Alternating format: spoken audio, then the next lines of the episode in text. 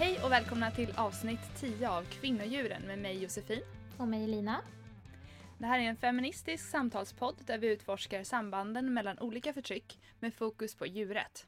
I detta avsnitt så kommer vi att diskutera dödsfabriken, hur det helt enkelt går till när det är dags för djurens slutstation, slakteriet. Och till detta har vi passande nog bjudit in veterinären och författaren som nyligen släppte sin debutbok Rapport från slakteriet, en veterinärs berättelse. Välkommen till podden Lina Gustafsson. Tack! Hur har du det i dessa tider? Jag har det ganska bra, ja det får man nog säga. Vad skönt. Tack så jättemycket för att du eh, vill göra den här intervjun med oss. Du kan väl börja berätta lite om dig själv och eh, hur du blev vegan? Eh, ja, alltså jag eh, hade tidigt en så tidigt nära relationer till djur. Det var nog där det började. Eh, framförallt till en kanin som jag hade från att jag var sex år ungefär. Och eh, jag tror att det, de relationerna, eller den relationen kanske framförallt öppnade mina ögon för att djur inte alltid behandlas så bra. Så till exempel när jag var barn så var jag alltid, eh, alltid runt till zooaffärer och kollade om kaninerna hade vatten. Som en liten mm. kontrollant redan då. Mm. och eh, ja, men jag tror att det är bara grundlag, grundlag någon sorts eh, medvetenhet och kanske också då misstro till att vuxenvärlden kunde hantera djur på ett bra sätt. Mm. Eh, och då, sen så när jag var 14-15 så läste jag mer om eh, hur det går till i, i livsmedelsproduktionen och insåg också att mjölkproduktion kräver att kalvar och kor separeras och eh, att äggproduktion ofta innebär ett stort lidande för hönor. Så att, eh, då blev jag vegan. Var du laktovo-vegetarian innan du blev vegan eller gick du raka ja, vägen så att säga? det var. Nej, jag var vegetarian innan jag blev vegetarian när jag var 11 ungefär. Det är typ som jag. Det är typ som, exakt som jag. Fast jag, det dröjde mycket ja. längre innan jag blev vegan. ja. Men ja, nej men det, det, det är ju fascinerande när man väl inser de där bitarna. Du utbildade dig sen till veterinär. Mm. Hur startade din veterinärresa? Ja, men det var egentligen för att jag ville, jag ville på något vis ha fler verktyg för att eh, kunna hjälpa djur och mm. eh, förbättra livet för djur. Och eh, ja, men också mer kunskap och att jag hade ett stort intresse också. Hur kommer det sen då till att du började jobba på det här slakteriet? Planerade du att göra boken från start eller kom det senare? Var det ditt första jobb så efter veterinärutbildningen eller hade du något jobb innan? Nej, det var inte. Jag hade jobbat eh, några år på ett eh, stort djursjukhus och eh, ganska, eh, jag trivdes väldigt bra med det men samtidigt så var det någonting som, ja men jag kände väl kanske att jag ville göra någonting för de djuren som Alltså på ett djursjukhus är det så, det är fantastiskt på det sättet att man träffar så många människor som bryr sig så mycket om sina djur och som vill göra allt för dem. Och eh, liksom, det läggs väldigt mycket pengar på enskilda individer och men alla har på något sätt, inte alla, men många har, har någon som sörjer för dem. Men eh, då så kände jag att ja, men jag kanske kan göra större nytta för de djuren som inte har någon sån eh, som försvarsadvokat vid sin sida. Eh, så då så, så när jag skulle flytta så, eh, så såg jag det här vikariatet och då, då egentligen var det ganska spontant faktiskt. Jag sökte det jobbet typ eh, kvällen innan ansökningstiden gick ut och sen så ringde de nästa morgon. Men mm. tanken var ju att jag, ja, men jag ville se om jag kunde använda djurskyddslagstiftningen för att, att försöka göra en skillnad där djuren är som mest utsatta. Sen var det inte, alltså det kan ju låta naivt att man tror att man ska kunna göra skillnad på, på slakterier. Det var inte så att jag trodde att jag skulle kunna förändra hela grunden för det, men tänkte ändå att det är bra om någon som är engagerad är på den positionen. Därför att mm. man ändå har en viss eh, makt som, som officer veterinär. Jag, jag tänkte inte att jag skulle skriva om det på det sättet. Det var, jag skrev dagbok för att jag brukar göra det eh, och för att jag pendlade så långt så då skrev jag liksom i mobilen på, på vägen hem. Men jag vet att jag tänkte så att det här skulle aldrig någon annan kunna läsa. Det, det här är så oläsbart. Därför att det, det var ju bara samma sak varje dag. Mm. Så repetitivt och samma känslor liksom. Eh, så det var, det var för min egen skull. Men eh, det var ju först när jag hade slutat och egentligen läste igenom det där som jag såg att det fanns ändå en utveckling på något sätt, att det hade hänt någonting under de här eh, fyra månaderna. Och ja, men då det i kombination med att jag verkligen hade det här starka behovet av att berätta om det jag hade sett och upplevt, gjorde att jag började bearbeta de texterna.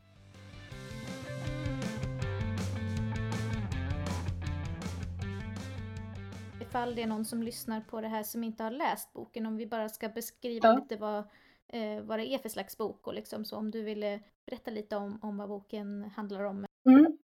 Ja, men när jag skrev, när jag började skriva, då tänkte jag då var jag uppfylld av det här att jag ville eh, berätta om dels det jag hade sett och men framförallt eh, som om grisarna. Eh, och då från början var det, blev det ju att jag försökte skriva ja, men, om forskning om grisar och tänkte att jag kanske ska göra intervjuer med, med sakkunniga och liksom skriva mer om grisars förmågor och ja, beteende och behov och sådär. Jag har med slakt som en liten del. Men sen i slutändan, det som blev, är ju egentligen väldigt renodlat min dagbok. Och den beskriver ju då från dag 1 till dag 85. Det här arbetet som officiell veterinär och hur slakten går till, vad jag får se och eh, lite kampen mellan då samvetet och de uppgifter som jag eh, allt mer liksom vande mig vid Mm. min egen avtrubbning och eh, känslorna i det här. Mm, det tyckte jag var väldigt intressant att följa eh, liksom dina tankar och känslor kring alltså, den utvecklingen från när du började där och sen eh, allt eftersom. Mm. Det, jag kunde verkligen känna med dig, om man säger så. Och det här med avtrubbningen och sådär. Eh, men gjorde du någonting för att aktivt typ eh, trubba dig tillbaka? Eller liksom, förstår du vad jag menar? ja, jo men eh, kanske inte så medvetet men jag kände ju att varje gång jag eh, fick kontakt med individerna, då kände jag mig inte avtrubbad. Eh, liksom i den stunden, alltså det blir på något sätt som att återknyta till, till varför man är där och till Mm. inte bara hasta förbi utan liksom att till exempel stå och titta in i boxarna och eh, få kontakt med en enskild gris och eh, ja, låta de känslorna komma då. Tänka på vad, vad den, just den, den individen kommer gå igenom. Hur orkade du egentligen? Nej, jag gjorde väl inte det. Det var därför jag, jag hade ju tänkt att jag skulle ju vara där i tio månader. Men jag sa upp mig då efter tre och en halv ungefär. Nej, jag tycker det var, det var faktiskt eh, supersvårt. Verkligen. Det känns som att eh, hela ens eh, själ torkade ut Mm. Ja, faktiskt. Eh, och det, jag upplevde ju inte att jag, alltså man kan tänka, men om man skriver om någonting så, så blir det lättare. Men det var ju inte en sån process alls. Utan det var ju, det jag skrev ju bara ner lite grann på vägen hem för att jag inte skulle glömma bort. Men det var inte som att det var, att jag kände att eh, nu har jag en utlopp för det här. Utan det var ju långt senare som det kanske blev en, en bearbetning då. Men just där och då så känns det egentligen mest bara fruktansvärt. Mm. Samtidigt som, jag vet inte, att jag kanske försökte hålla fokus på uppgiften, att jag i stunder kände att jag, eh, att jag skulle vara där och, och göra någonting som, göra det bästa jag kunde av det på något sätt. Och att det förhållningssättet, just att man ska eh, använda sig av lagstiftningen och så, det blir också att man kanske anlägger en viss, eh, lite så här kyligt förhållningssätt liksom. Mm. Så det kanske blev en sköld ibland också. Nej, svårt. Och jag tror att alla som jobbar, alltså man måste, man måste bli avtrubbad på något, i någon mån. Samtidigt som jag faktiskt eh, fascinerades över hur både kollegor, alltså veterinärkollegor och många slaktare, hur oavtrubbade många ändå var faktiskt. Mhm. På vilket sätt då? Eller jag ska inte säga oavtrubbade, men ändå hur, eftersom jag blev så påverkad bara av att vara där i fyra månader så tänker jag men när man har varit där i 20 år, Mm. Hur kan, hur kan man ha nå, några känslor påslagna för det? Men det upplevde jag ändå att folk hade och att eh, många ändå försökte göra ett bra jobb liksom, utifrån de ramarna som var. Mm. Eh, jag är inte säker på att jag hade gjort det efter 20 år. Fanns det några andra som var veganer eller vegetarianer just där på arbetsplatsen? Hade du någon att prata med om det liksom i, i vardagen? Nej, nej.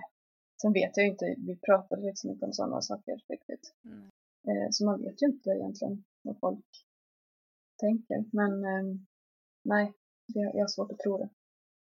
Jag kan tänka mig, eller om man bara ser till hur jag hade eh, gjort. Jag tror inte att jag hade vågat tala om för någon att jag var vegan eller att jag hade vissa åsikter eller sådär för att Alltså jag menar, jag, jag har jobbat som kock och till och med där har jag varit liksom knappt vågat tala om för att det liksom är frowned upon inom branschen liksom. Det här måste ju vara ännu mer så tänker jag. Ja, visst. Mm.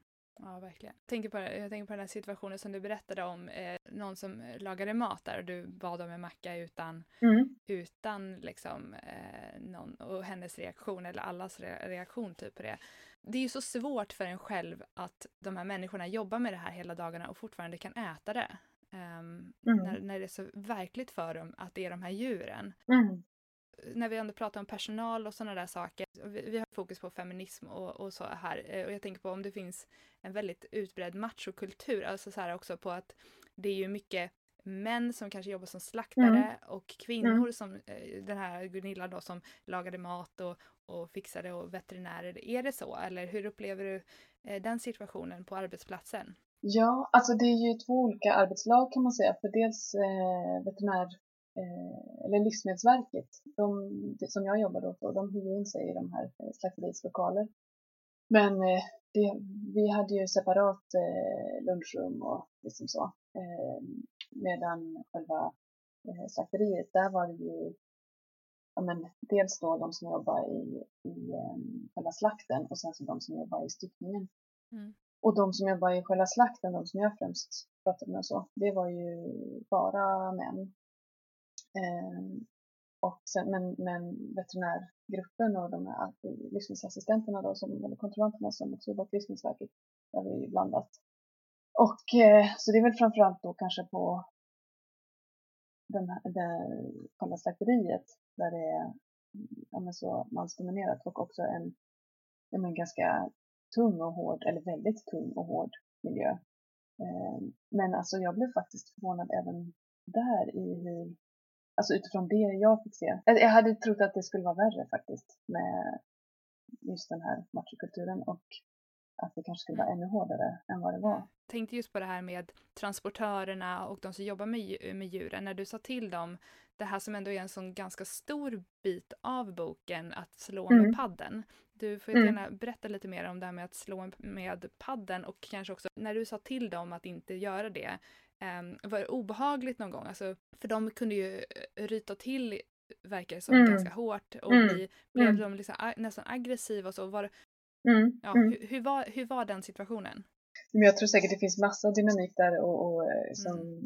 ganska komplexa relationer för att det är också så att man är eh, statens representant liksom eh, och Mm. kontrollant eh, och sen så då också eh, ja, men, kvinna som inte har jobbat så länge med det här medan de då har kämpat på dag ut och dag in Mm. och, och har ju Mm. mycket mer erfarenhet och helt andra arbetsvillkor också.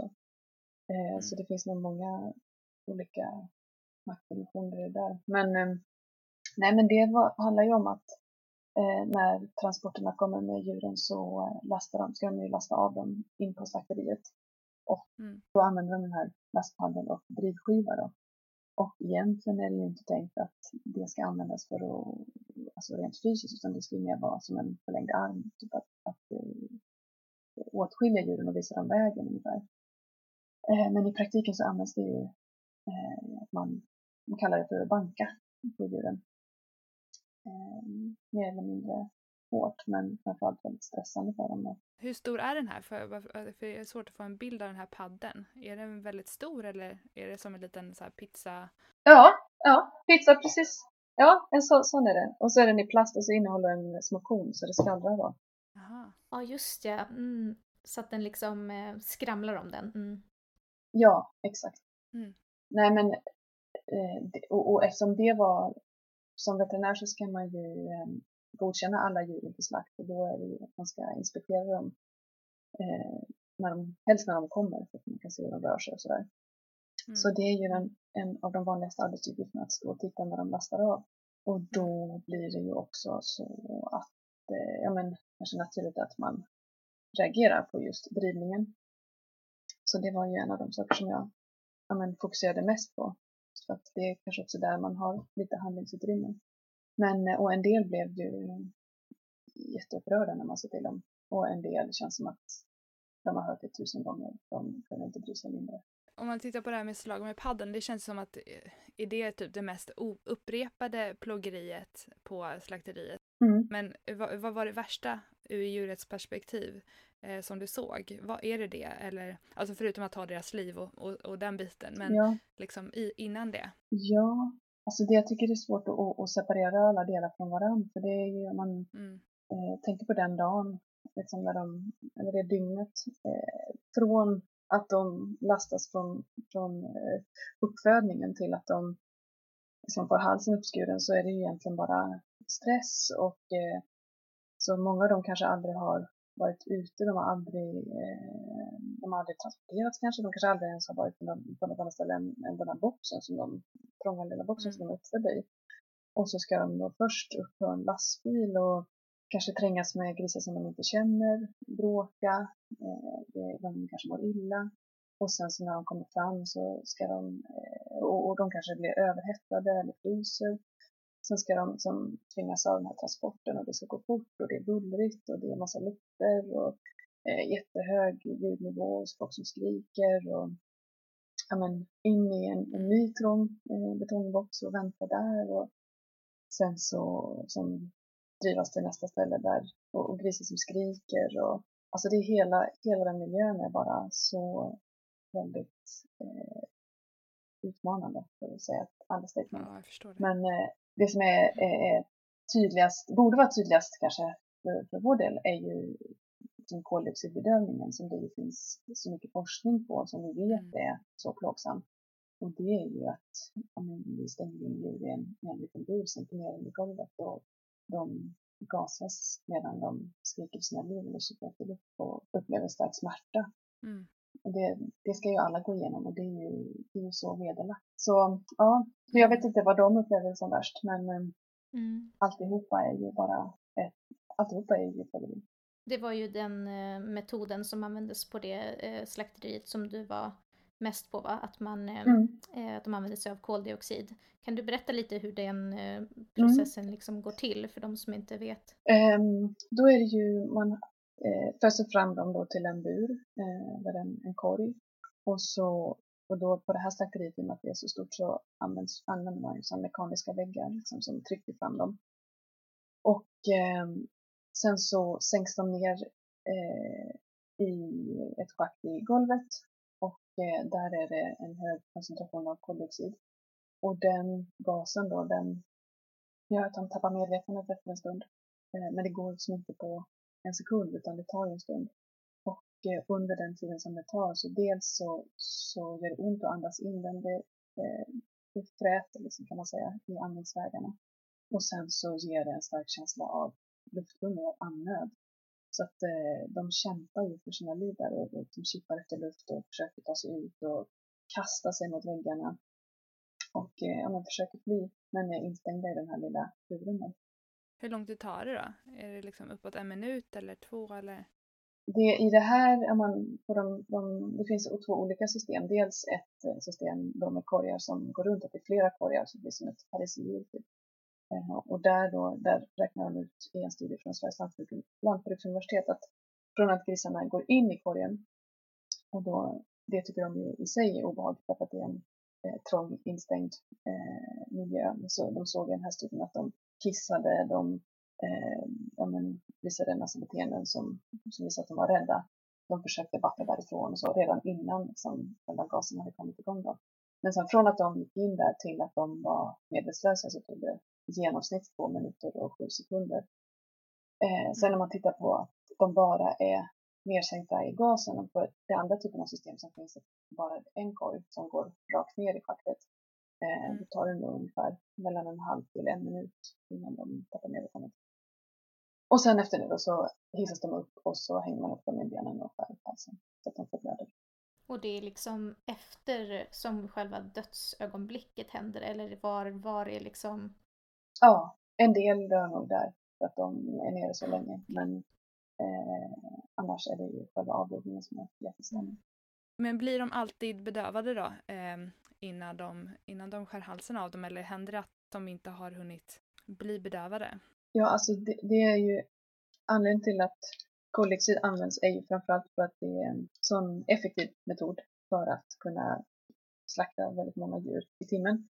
Eh, mm. Men det som också brukar anges som fördel då, jämfört med andra bedömningsmetoder det är att den är så säker på det sättet att det är väldigt liten risk att de vaknar upp efteråt om bara gaskoncentrationen är eh, tillräcklig och de är nere tillräckligt länge då.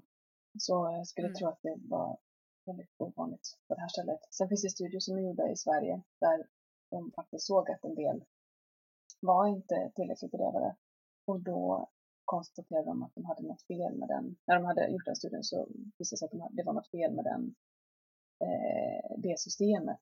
Så att eh, gaskoncentrationen blev inte tillräckligt hög och sådär. Så, men om det liksom är rätt inställt som det ska vara så då, då är det en liten risk. Och det här är ju samma oavsett om de är uppväxta på en kravgård eller så, eller hur? Det var ju blandade mm. gårdar som mm. kom till er och de mm, behandlas mm, ju inte olika från... Nej.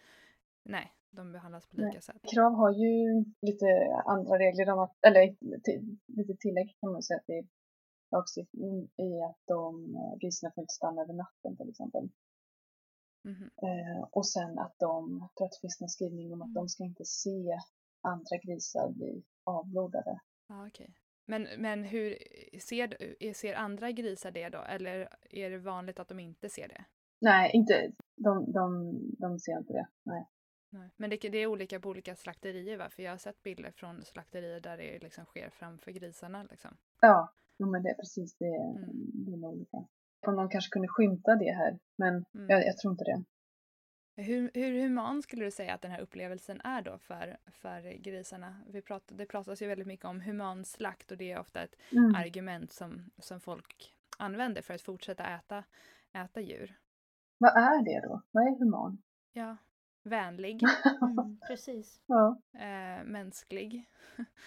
Det är, det är ord som inte går ihop med slakt. Nej. Nej, för oss är det ju ganska tydligt att vi inte tycker det liksom. Men det är ju ändå många som, som håller fast vid det, att så här, det är okej så länge det sker på ett humant sätt. Humant är väl snabbt då? Mm. En snabb och smärtfri död, men det är det ju verkligen inte. På bästa sätt. Eh, men du som veterinär då, för jag tänker man avlivar ju eh, man avlivar ju husdjur på ett annat mm. sätt. Mm. Man, mm. de, de, de, får en spruta och så somnar de in.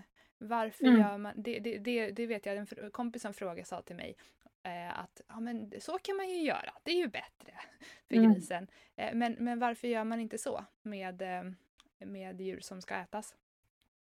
Nej men nej, då måste du ju, förutom att, att liksom, tänka på djurets upplevelse och det hela så måste du tänka på produkten. Alltså köttkvaliteten och att äta ett djur med avlivningsmedel i är inte så rekommenderat. Nej, det är ju det. Men sen handlar det ju också om att eh, om man nu bara ska tänka på själva eh, en, en smärtfri död så kan man ju till exempel då eh, bulta djuren. Men det ska ju också gå fort, det måste ju vara ekonomiskt. Och det, nu är det, det här är ju, jag menar, på det här så släpper man 480 djur i timmen liksom. Det är, mm. Det är svårt att hitta en annan metod som går lika fort. Men så bultpistol är mer, det går snabbare? Det går snabbare, absolut. Jag trodde att det också var en bedövning. Ja, det är en bedövning. Sen måste du ändå skära upp halsen. Ah, okay. men, eller avbloda då. Mm. Men, eh, men själva bedövningen är ju, då tappar man medvetenhet direkt. Ibland så eh, skriver om de här djuren som får avlivas direkt, typ de avlivar dem direkt på golvet, alltså om det är något fel mm, på dem mm. eller sådär. Vad händer med de djuren? Blir de också eh, kött? Slaktas de också på samma sätt eller slängs de? Det beror på. De går till eh, kontroll i, i slakthallen också då. Eh, så okay. beror det på vad som har orsakat. Ja, men, är det till exempel en... Ja, men det, de bedöms utifrån de kriterierna som finns då. Eh, så hur man ska bedöma köttet för livsmedelskvalitetshänseende. Om vi ändå pratar om sjukdomar och sånt. Sjuka organ, du skriver om kontaminerade kroppar och sådär. Du gjorde mm. ju en hel del undersökning sen efter slakten. Um, eh, alltså av de olika kroppsdelarna och så. Vad, vad går gränsen för att vara okej att hamna i, i kyldisken? Ja, att det finns ju en hel lagstiftning kring det där, hur man ska bedöma eh, kropparna och då, ja men det man kan säga som generell regel är väl att alltså om det är en akut skada som har påverkat hela kroppen, som man tänker en systemisk infektion eller som har spritt sig, liksom, eh, då, då slänger man den kroppen. Men om det är någonting som bara påverkar ett organ och som kanske har pågått längre, som till exempel då en gammal lunginflammation som ju många har, eh, då slänger man bara de organen. Och sen när det handlar om eh, avföring och sådär, då det ska ju inte finnas någonting på kropparna. Och då, men det är företagets ansvar att de ska rensa och sådär. Och sen så gör Livsmedelsverket stickprovskontroller för att kolla om man ser bajs på, på det. Då. Finns det någon spårning på, alltså jag tänker om det är eh, flera kroppar som ni upptäcker eh, som har sjukdomar och sådär, spårar man tillbaka dem till då vilken gård de kommer ifrån? Alltså finns det någonting som eh, kan göra att det blir konsekvenser för eh, djurägaren om det är eh, sjukdomar mm. som man tror har eh, kommit på grund av misskötsel eller så? Mm. Mm. Jo men det gör det ju. Det finns eh, statistik som, som också ger avdrag på kropparna. Men så det återkopplas ju till dem och blir ändå något avdrag i alla fall. Och sen så får ju den då djurhälsoveterinären som från Gård och djurhälsan då, deras eget veterinära företag, följa upp det liksom. Okej, okay. så med avdrag så menar du att de får typ mindre betalt liksom? För... Ja, mm, precis. Mm, okay. mm. Mm.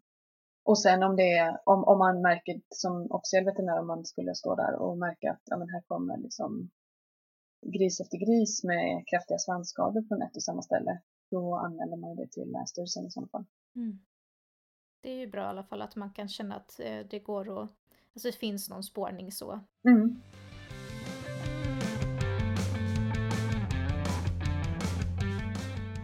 Det var ju olika människor, eller hur, som jobbar på slaktsidan och på, eh, på gris, eller i stallet är ju där de är levande. Mm. För jag tänker, du jobbar ju med båda.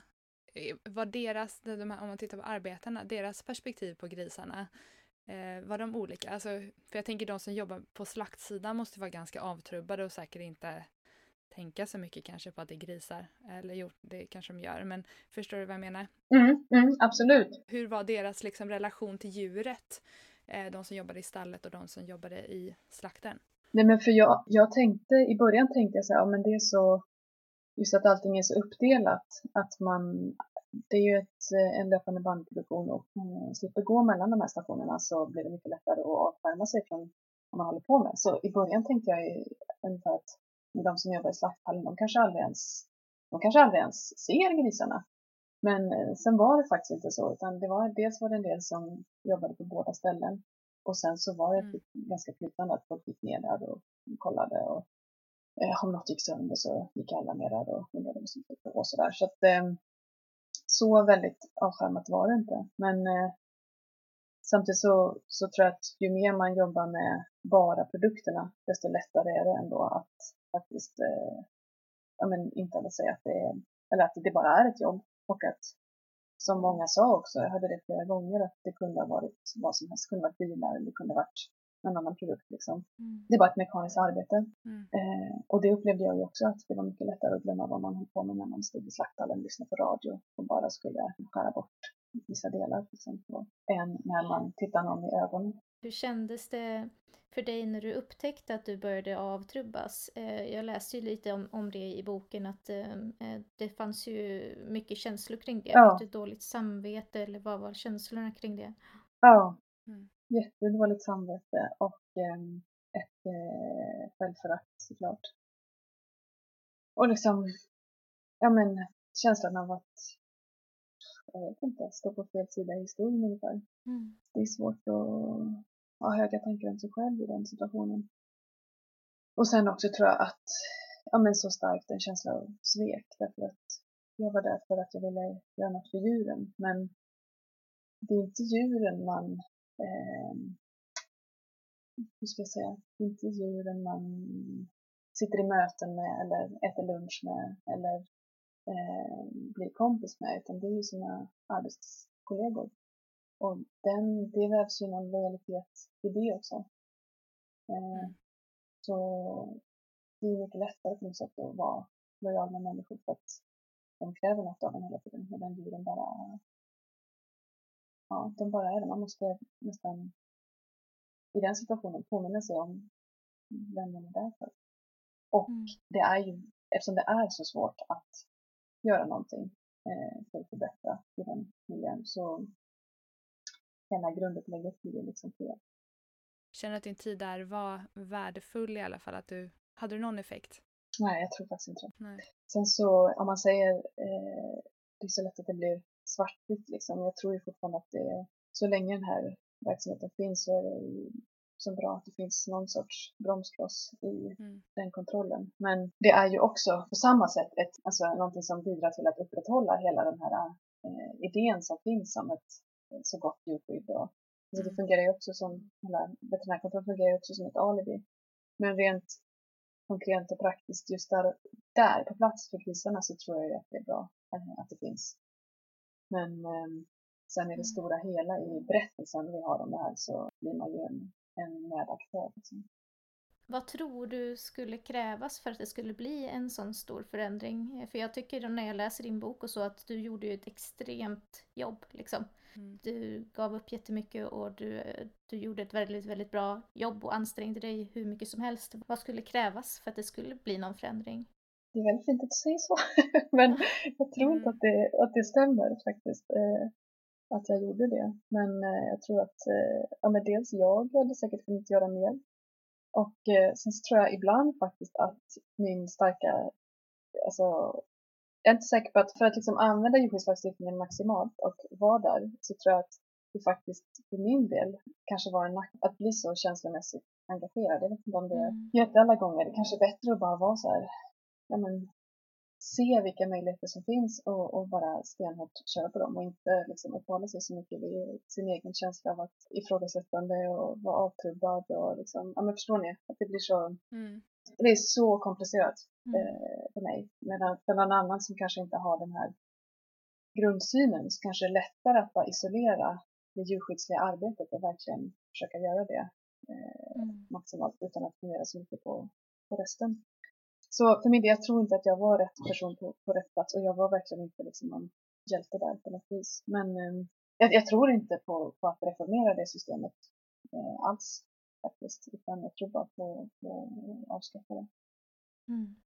Det som du nämnde där innan också, att det är ju lite som en sån här äh, ridå för alltså, äh, att vi använder det här som anledning för att fortsätta, att det finns Mm. djurskydd. Vi har ju pratat om det i tidigare avsnitt, om det här, alla de här upprepade sk- brotten mot djurskyddslagar och sådär. Mm. Ehm, Jag har lyssnat på någon intervju med dig när ni har pratat om boken och, Mm. det, och fokus ligger ofta på men vad kan man göra liksom, på slakterierna, hur kan vi få det, hur kan vi få det bättre liksom. Så, men he, då är hela tiden grundpremissen Mm. att, vi, att vi ska äta djuren. Mm. Det ska fortsätta. Det ska ju fortsätta, hur kan vi göra det här på bästa sätt och, så här, och varför Mm. är det så hemskt? Och, och det är jättebra att de här hemskheterna kommer upp Mm. ehm, så att folk får höra det och det är ju jätte, jättebra men jag vet att det var i någon intervju som jag, om det var på tv eller så, så, så hann du få med det på slutet för de frågade liksom just om vad, vad kan göras bättre och då så sa du typ, typ på slutet, ah, ja, vi, vi behöver ju inte äta kött typ. Mm. Att, som en sån här slutgrej och, och det är ju så viktigt liksom att folk, för folk tror ju inte det, ehm, att Nej. den biten finns liksom. Nej, men då, jag undrar liksom vad är grundanalysen till varför det ser ut så här? Det är ju inte för att vi är rakt igenom onda eller Mm. för att inte den här frågan har lyfts förut. Det har den ju. Det har ju varit sedan industrialiseringen av djurhållningen kom igång så har ju människor försökt påverka det här och, och, och, liksom försökt hålla emot. Men det har ju bara blivit högre och högre tempo och alltså trots mer kunskap så är det ju, jag vet inte om man kan säga värre än någonsin, men det är i alla fall i större skala än någonsin. Mm. Och då, men vad är, vad är grundproblemet? Måste man ju ändå fråga sig. Mm. Hur har boken tagits emot av, av icke-veganer då? Eller är det mest veganer tror du som har läst boken? Nej, alltså jag har fått så himla mycket fina mejl och respons från verkligen människor som, som äter kött och som säger att de har slutat äta kött och eh, att de har blivit berörda och att de vill göra någonting för att förändra och sådär. Så att det, det känns, jag är jätte, jätteglad för den responsen. För det var ju en, Mm. en, en tanke och även ett förlag som svarade att eh, det är jättebra, absolut, men vem ska vilja läsa den här? Vem ska orka med det? Och jag kände bara, nej, det är sant, vem? Vem? Det är ju ingen som kommer vilja läsa om slakt liksom. Ja, jo, men det var faktiskt ändå ganska många som ville det. Och många Mm. som faktiskt bryr sig. Det är också lätt att man tänker att också där att det är så svartvitt att det liksom, har man inte blivit vegan så har man inte, så struntar man helt i de här frågorna. Men så måste det verkligen inte vara. Det, det är precis som det här med Paul McCartney eh, citatet om, om slakterier hade glasväggar eller Mm. vad är det, Mm, det, är liksom, mm. det är verkligen, det här är, det här är glasväggarna. Mm. Men det var ju intressant att höra att du fick det svaret från ett förlag. Var det svårt överlag att, att få den utgiven eller hur gick det till? Nej, det var faktiskt eh, det Natur och kultur som den blev utgiven på. Den, den svarade efter en timme. Oj, vad bra. Så det gick väldigt fort. Ja, vad kul. Och det var så skönt för att den förläggaren som jag träffade där då, han sa att liksom, det här är ju så aktuell fråga med, med kött och vad vi ska äta och alla går ju runt och tänker på det nu så här och med miljöperspektivet och sådär. Men det här, det här ska ju handla om, eh, det handlar ju om djuren. Eh, och det var så skönt för att jag hade också tänkt att säkert att man vill, vill liksom dra på klimataspekten eller miljöaspekten i djuruppfödningen men att det jag verkligen saknar är att prata om djuren inte om konsekvenserna för oss bara, utan vad, vad händer med dem? Vad gör vi med dem? Mm, absolut, det känns som att det var verkligen en, en pusselbit i, i det här stora pusslet som verkligen behövdes. Mm. Det är så mycket nu med miljö och hälsa. ehm, och det är Mm. många som blir veganer av det. Och det är självklart att det är bra att människor blir veganer av olika anledningar. Det som de passar dem liksom just nu. Men Mm. det är så viktigt att vi inte glömmer djurens perspektiv. Eh, eftersom att det är så mycket större liksom. Ja, Och det verkligen. handlar om vår utveckling som, som människor och som Ja, eh, hela, hela den biten. ja, verkligen. Det här med grisarna, de är ju ganska lika oss människor rent Mm. fysiskt. För visst används de i djurförsök och att vi kan ha hjärttransplantation från dem? Mm, precis. Klaffar transplanterar man från grisar. Men, och de används ju jättemycket forskning för de, ja, men både fysiologiskt och anatomiskt och så, så är de lika oss i många avseenden. Mm. Även jag läste någon, eh, någon forskningsöversikt över det, vad grisar används inom och de sa också det att det finns en större acceptans rent etiskt att använda grisar jämfört med då Mm. primater eller hundar som man kanske använde mer tidigare därför att grisar ju används redan i så stor skala i livsmedelsindustrin så vi är på något sätt vana vid att tänka på dem som våra att använda. Ett utnyttjande banar vägen för ett annat. Liksom. Om vi bara hoppar tillbaka till de här slaktmetoderna. Du var ju på flera eh, slakterier berättar du i boken. Mm. eh, för olika djur, eh, de olika slaktmetoderna. Eh, grisar eh, bedövas med koldioxid och eh, de skär halsen av dem. Vill du kort gå igenom de andra slakterierna som du var på och vilka djur som hanterades där? För man kan ju säga om man pratar slaktmetoder att alla slaktmetoder kräver ju dels bedövning då och det är det som kan skilja sig åt. Men sen avblodning är ju alltid, man måste alltid avbloda. Eh, Mm. Men bedövningsmetoderna då, för gris kan det ju vara koldioxid och det är det vanligaste på, på alla de större ställena. Så använder man det, men man kan ju även, på vissa ställen använder de även elektricitet då. Eh, som på det andra slakteriet, mindre slakteriet som jag var på. Och eh, även bultpistol kan man använda. Och elektricitet, där är det ju att eh, man då ska som prata för och nackdelar. Det känns att det är lite obehagligt att, att gå in i det spåret. Men Mm. då är det ju att du har liksom elektroder som ska fästas mm, på, på huvudet på grisen eller fåret eller vad det är. Och eh, bedövningskvaliteten beror på strömstyrkan som går genom hjärnan. Så då om du har en väldigt rörlig individ som försöker fly därifrån till exempel eller eh, kasta med huvudet eller någonting så finns ju alltid risken att, det, att de hamnar fel. Och då eh, kanske du inte får den bedömningen som det är tänkt. Och sen också att det är en väldigt kortvarig eh, effekt. Så att, eh, och, och reversibel då, att det blir som ett epileptiskt anfall och att då kan de vakna upp härifrån. Så på vissa ställen om man har en dåliga rutiner och det tar tid mellan att man sätter den här eltången till att de får halsen uppskuren, ja men då finns det risk att de vaknar däremellan. Eh, och sen var jag på ett kycklingslakteri där de använde vattenbad, eh, strömförande vattenbad. Och det är också en sån metod som eh, även precis som koldioxid i grisar har ifrågasatts även från liksom, EUs livsmedelssäkerhetsmyndighet och sådär, EUs expertpanel. Mm. Eh, just för att den då innefattar att eh, kycklingarna ska hängas upp i fötterna, upp och ner. Och de transporteras genom rummet och sen så, ja de trycks liksom fast i två byglar. Levandes. Ja, precis. Mm. Eh, och det, ja, men dels så kan det göra ont, dels så finns alltid risken att man trycker för hårt, att benen går av eller att de går ur led. Eh, och sen så är det ju en extremt konstig stressande situation att plötsligt hänga upp och ner och, och liksom åka på ett rullband. Och sen så doppas de ner i ett vattenbad som är strömförande. Och där har man också sett att, men, i alla fall förut att det var vanligt att de får stötar eh, som på andra delar av kroppen innan huvudet stoppas ner. Och sen även att om någon fågel håller upp huvudet, att de då kan gå eh, igenom utan att bli bedövade. Ja, det är väl de huvudsakliga metoderna. Sen så kan man ju, finns det ju ett, eh, Sveriges största slakteri för fjäderfä använder ju koldioxid. Samma som grisarna? Mm. Men på ett lite annat sätt. Det är inte riktigt lika, Mhm. ja, det har inte riktigt samma effekt som på grisarna. Okej. Får jag bara fråga, eh, du pratade om får, eh, att, att Mm. man hade de här elektroderna. Är det det vanligaste sättet? För jag tän- tänker att eh, grisar och, och vissa andra djur, det känns som att man kanske vet mer om deras slaktmetoder än, än, än får, eller alltså, som ska bli lammkött. Det pratas inte så mycket om. Det tror jag. Jag vet inte. Jag har inte några siffror på det. Men Mm. det är väl det eller bulkpistol då. Men jag tror att el är absolut vanligast. Okej. Mm.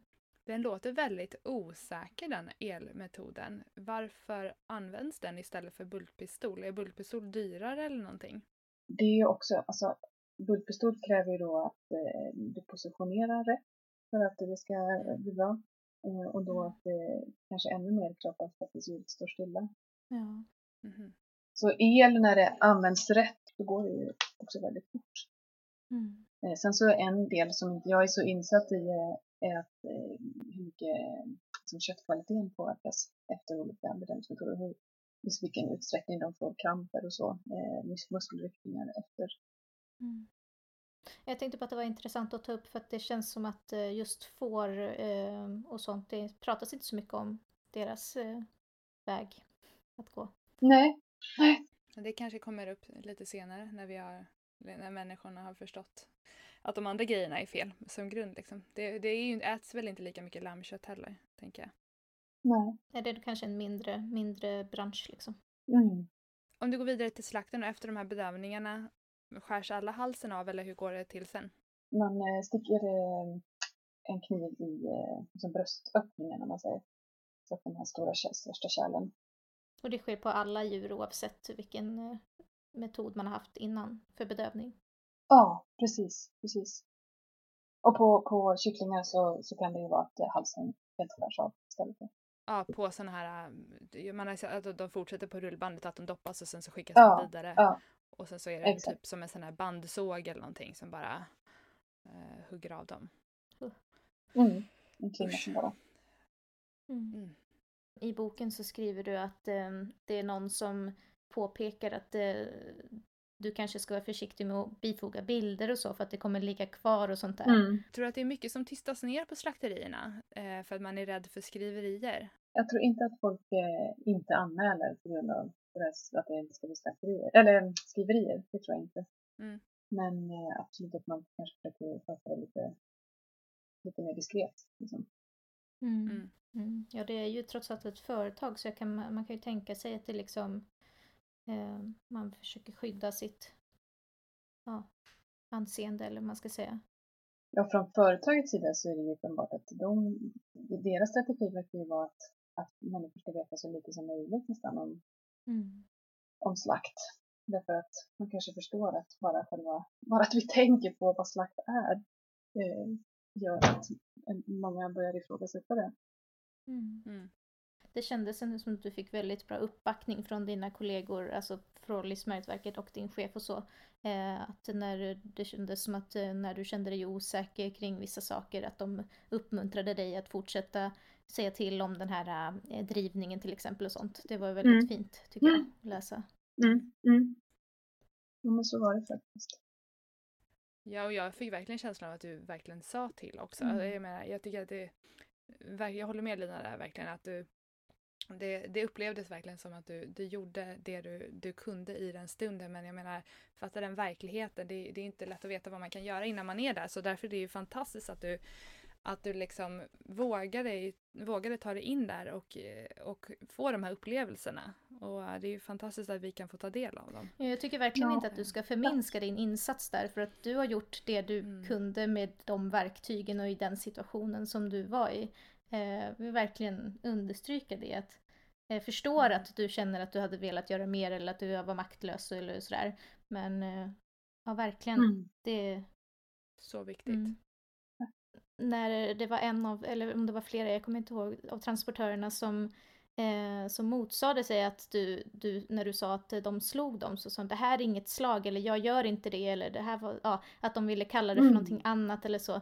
Att det känns eh, mm. obehagligt för mig att läsa att eh, människor eh, upplever att våld inte är våld. Eller liksom vad det kan få för, för mm. konsekvenser mm. i andra delar av deras liv. Eller liksom jag tänker, eh, ja, hemma, våld hemma eller sådär. Att man kanske har en annan bild av vad våld är för någonting.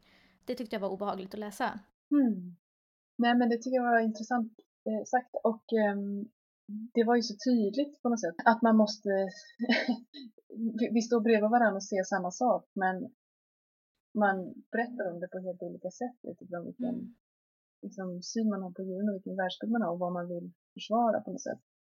Eh, mm. Och det var ju genomgående att kalla inte det för slag utan kalla det för banka. Mm. Just det. Ja, att man liksom eh, försöker att rättfärdiga det för att man inte vill, man vill ju inte vara elak liksom, eller så. Nej, att man kanske försöker exakt. hitta på andra ord och så för att försöka liksom rättfärdiga att så men jag gör ingenting dumt liksom. Ja men visst. Tänker jag. Och sen tror jag att, att, att, um, att det finns ju ett spektrum i det där också.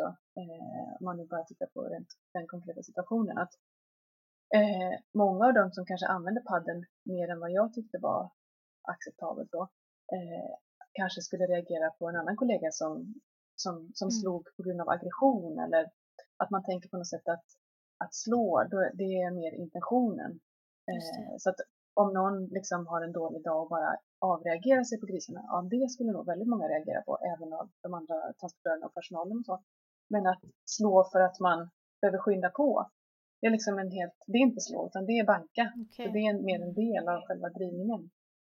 Men det skriver jag också där i boken att när det var eh, grisar som kom med till exempel man märker från en skiftnyckel att man använt ett annat verktyg för mm. att faktiskt slå på dem. Det, det reagerar ju alla på.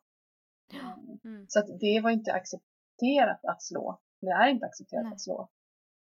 Eh, och hur ska vi då förklara den här drivningen som liksom baseras på att vi använder ett tillhygge? Ja. Eh, Sen kanske inte det, det, det största problemet med, det, med liksom slag mot padden är inte att det gör ont utan det är ju att det är så, det är så stressande för dem. Mm.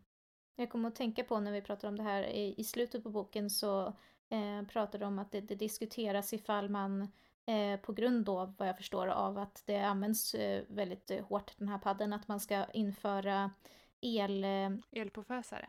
Just det, att man skulle återinföra det. Vet du hur, om det har blivit så eller? Nej, jag vet inte faktiskt. Det var precis när jag slutade där. Ja, för det är regler som är på, på det specifika eh, slakteriet, det är inte regler för hela liksom, eh, Sverige då eller?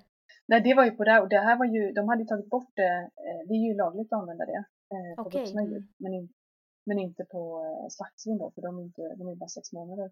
Men ja, på suggorna var det ju lagligt att göra det, så de hade ju aktivt tagit bort det för att de själva då såg att de fick mycket anmärkningar på det. Mm. Så att eh, återinföra det var ju egentligen, alltså det var ju helt lagligt. Och på, på nötslakterier och så, så används det ju mer frekvent. Intressant. Men det får inte användas så, det får liksom inte ha, det får inte vara en drivningsmetod att, att eh, köra elpåsen hela tiden utan det ska ju vara då om djuret har fri väg framåt och eh, det ska gå vissa intervall, det får inte göra det liksom hela tiden. Okej. Okay. För jag tänkte också på det när, vi, när eh, jag läste det. Eh, för i typ äggindustrin och sådär så separerar man ju då för att man behöver eh, honorna så att säga. Eh, men det är inte någonting som man gör i, i, i grisindustrin utan man, man kan föda upp båda så att säga för slakt. Eh, men suggorna används ju för, de föds ju upp för att föda kultingar. Ja. Mm. Eh, så sen det är ju sen när de inte, ja, men om de inte blir dräktiga eller eh, av någon annan anledning de liksom inte kan användas till det längre, det är då de går Mm. till slakt. Men resten är liksom, kan vara vilka som helst eller vad man ska säga. Nej men de, det är bara de suggorna som sparas. De som ska föda upp, de som ska Mm. användas i, i, Mm. i aveln som, som producenter. Liksom. Annars är ju alla, Mm. ja en, en och annan galt, men annars är det ju de som slaktsvinen som är sex månader ungefär. Mm. Mm. Och de är ju tillsammans i fyra veckor ungefär. Mm, efter födseln. Mm. Sen separeras de och då några dagar senare så insemineras ju suggan igen. Mm. Ja, eh, vi, vi ska prata om de olika djur, eh, djurindustrierna eh, mer specifikt, men där vi, vi inleder Mm, precis. förvånansvis nog med, med dödsfabriken. Slutstationen. Ja. Bara snabbt tillbaka det här med olika hanteringen av olika djur. Mm. Ehm, jag tänker att djuren kan vara olika farliga. Det var ju någon tjur som tryckte upp en man mot väggen. Mm. Mm. Jag tänker relationen mellan arbetarna och djuret måste vara olika beroende på hur farligt och stort djuret är. Mm, mm, verkligen. Det är jätte, alltså det, det går ju på en sekund att makten förskjuts. Mm. Och har man med, med suggorna eller med en nötdjuren gör så det, är ju- alltså Nej. det är ju farligt arbete. Absolut. Mm. Tror du att det är vanligare att man eh, använder mer hårdhänta eh, metoder av eh, djur som inte är lika hotfulla eller liksom inte eh, har större, så stor risk att skada en liksom? Jag vet faktiskt inte. För på ett annat sätt så, så väcker ju suggor som satt sig på tvären och så att det väcker ju också en sån frustration och, och Mm. ilska. Därför att det obstruerar ju verkligen flödet på något sätt. Vi ska ha ett annat avsnitt där vi pratar om, om djur, eh, och djur och ord. Eh, Mm. Och våran, liksom, vårt förhållande till vad vi använder för, för skällsord och sånt där. Jag tänker på Mm. sugga kanske man inte använder men, men kossa och, och liksom, jag, tänker, jag tänker att de, de är ändå äldre damer. Så jag Mm, tänker ja. att, att eh, de kanske hanteras lite så här nedvärderande liksom som på något sätt, typ din gamla kärring eller någonting. Att, ehm, jag, vet inte, jag fick bara den här bilden av den här stackars eh, kvinnogrisen som inte vill Mm. gå och Mm. den här mannen som trycker på. Eh, att det är en väldigt obehaglig eh, makt, eh, maktrelation. Mm. De är ju faktiskt inte så gamla egentligen. Hur gamla är suggorna när de kommer ofta? Alltså kanske tre, fyra år. Ja. Mhm. Är det samma som varför um, mjölkkor slaktas så tidigt på grund av att eh, de eh, insemineras varje år och om de inte blir dräktiga så är det för dyrt att ha kvar dem till nästa liksom då de ska sem- insemineras. Är det samma sak med grisarna eller vad är i så fall den eh, största anledningen till att de slaktas så tidigt? Mm. Nej, men eh, jag tror dräktighetsproblem är, eh, tror jag fortfarande vanligaste orsaken. Det, är ju, det Mm. finns ju så himla små marginaler också så det, det de, de, de, de, i och med att de ska ju bli dräktiga liksom bara några dagar egentligen efter att de precis har lämnat sin Mm. kull. Så det är väldigt intensivt. Ja, det låter väldigt krävande för djuret.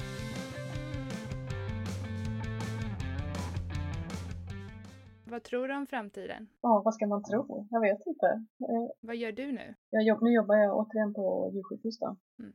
Men ehm, jag tror ju ändå att om man får tillåta sig ha det lilla, ett lite perspektiv nära en själv. Så det jag upplevt nu senaste då med, efter det här med, med boken, alla reaktioner och sådär som jag fått, så känner jag ändå en hoppfullhet i att, eh, för jag kunde tänka när jag, när jag liksom var klar med det där manuset att så här, men det är nog ingen, det är ju ingen skildring av några skandaler och ofta så är det ju skandaler som folk går igång på på något sätt. Men att det här, jag ville ju bara skildra vardagen liksom och Ja. vad det gjorde med mig Mm. och så. Och tänkte att det, det är ingen som kommer kanske liksom, man kan lika gärna läsa det som en skildring att ja, men det funkar hyfsat bra ändå. Mm. Men att det som ger mig hopp är lite att folk, att så många ändå reagerar på just själva grunden i det på något sätt. I att ja, men djuren faktiskt behandlas som, som råvaror. Mm. Och det är klart att de gör det.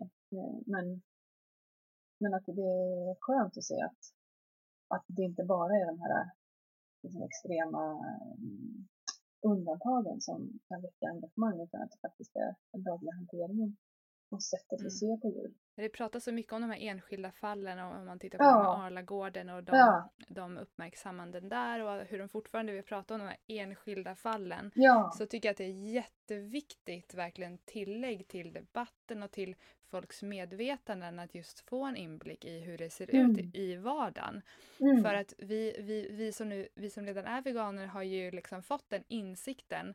Och det är så många där ute som är djurvänner ehm, och som håller sina hundar och katter liksom högre än livet självt. Och när de får Mm. insikt i hur de här djuren behandlas, så, alltså det är så, en sån viktig del av det. Och också någonting som skiljer ifrån, för det delas så mycket bilder och videos från, från hemska djurindustrier och, och, och, och sånt. Och folk är nog kanske blir mätta på det och tycker att det är hemskt och många som inte vill se. Men det här, det här är ändå någonting helt annat. Ehm, och jag tycker det är, det är så otroligt viktigt tillägg verkligen. Mm. Jag håller verkligen med. Jag tror också att det är, det är viktigt, alltså för mig var det viktigt att inte demonstrera de människorna som jobbar där. Därför att det, Mm. det är också en falsk verklighetsbeskrivning tycker jag. Att Mm. tro, Mm. liksom, på samma sätt som att det inte är undantagsfall att djuren eh, liksom lever isär, så är det inte undantagsmänniskor som jobbar med det här, utan det är helt vanliga människor. Det, Mm. det är inte några liksom, känslokalla sadister, utan det är, Nej. men det är ett system Mm. som samhället har eh, godkänt. Liksom. Och vi är alla Mm. mer eller mindre del av det. Liksom. Och jag tror att det är också att om man distanserar sig från de personerna som arbetar med det så mycket så, så skapar det också någon sorts vi och dem-känsla som inte, Ja, som inte leder snabbare till förändring. Mm.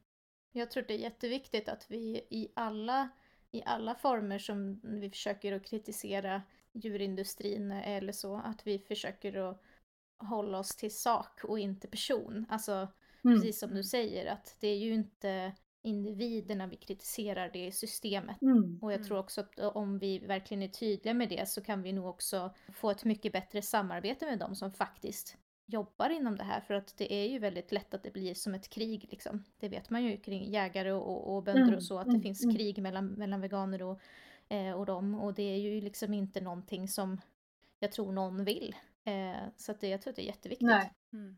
Sen så tror jag ju fortfarande att alltså, man måste belysa konflikten. Absolut. Jag tror det är ju mycket värre att vi har ett system som gör oss till, som fordrar av oss att vi misshandlar djur än att enskilda individer gör det. Därför att Ja. om det bara var enskilda individer då kunde vi bara byta ut dem. Liksom. Eh, Mm. Men att man själv blir så stor del av det där att man inte kan nästan stå emot det utan att man bara infogar sig i det. Det är ju mycket, mycket värre. Mm. Jättebra sammanfattning. Var, var kan våra lyssnare hitta din bok? Men den kan man hitta på, i bokhandeln eller på någon Mm. av eh, de här eh, ljudbokstjänsterna. Beställa på nätet. Jag kan också tipsa om att jag har eh, köpt den på eh, e-bok, alltså så att jag kan läsa den, inte få den uppläst, men att jag kan läsa den i, ja, men i min iPad. Tips, tips. Mm. Precis. Jag, jag fick den uppläst av, av dig själv, eller hur? Visst är det du som har Ja. läst in den? Jo. Jaha, vad kul. Mm. Tycker att det var väldigt, det var verkligen intressant att höra den i ljudboksformat. Eh, jag, jag kan inte läsa långa texter, jag somnar då. Eh, så jag har, upp, jag har upptäckt ljudböckerna och jag har plöjt Ja. så många ljudböcker på senaste. Ehm, och jag var så glad att din äntligen kom upp där. Ja, nej men tack så jättemycket Lina. Mm, verkligen, tack för att du tog dig tid. Tack själva. Verkligen.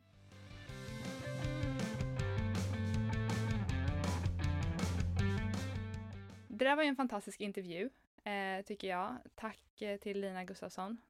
Har du någon tanke så här efteråt? Nej, jag känner mig lite tagen typ. Det här är ett så himla tungt ämne. Eh, Det känns jobbigt Mm. faktiskt. Men eh, jag är jätteglad att vi eh, har gjort det här avsnittet. Jag är framförallt jätteglad att Lina ville vara med. Mm. Ehm. Och att hon har gjort den här boken. Ja, absolut. Ja, och jag antar att ni lyssnare säkert har många tankar och funderingar kring detta. Ni kan följa oss på Instagram, där heter vi kvinnodjuren. Eller så kan ni mejla oss på kvinnodjuren.gmail.com om ni har åsikter eller frågor. Så eh, hörs vi nästa gång. Ha det så bra, hejdå! Hej då!